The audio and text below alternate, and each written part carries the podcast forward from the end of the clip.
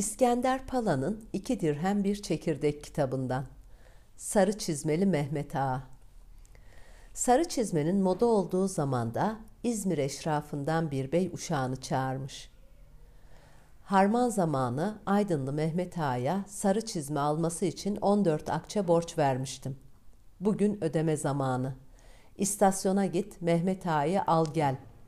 Uzun boylu, orta yaşlı, efe bıyıklı biri. Görünce hemen tanırsın.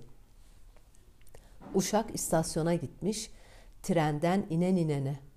Lakin beynin tarif ettiği gibi birine rastlayamamış. Çizmelerinden tanırım diye ayaklara bakmaya başlamış.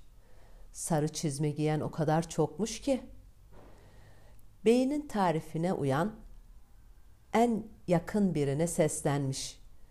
Mehmet ağa, bey konakta seni bekler. Tesadüf bu ya. Seslendiği kişinin ismi Mehmet'miş. Aydın'da ona ağa diye seslenirlermiş. Birlikte konağa gitmişler. Bey sarı çizmelere bakmış, bir de Mehmet Ağa'ya.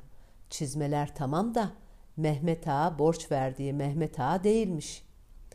Uşağını azarlamış. Uşağı sonunda Bey, bura koca şehir. Sarı çizme de çok, Mehmet Ağa da. Seninkini yaz deftere bir daha, demiş.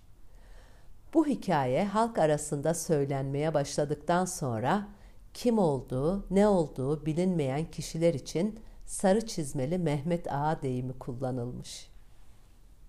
Müzik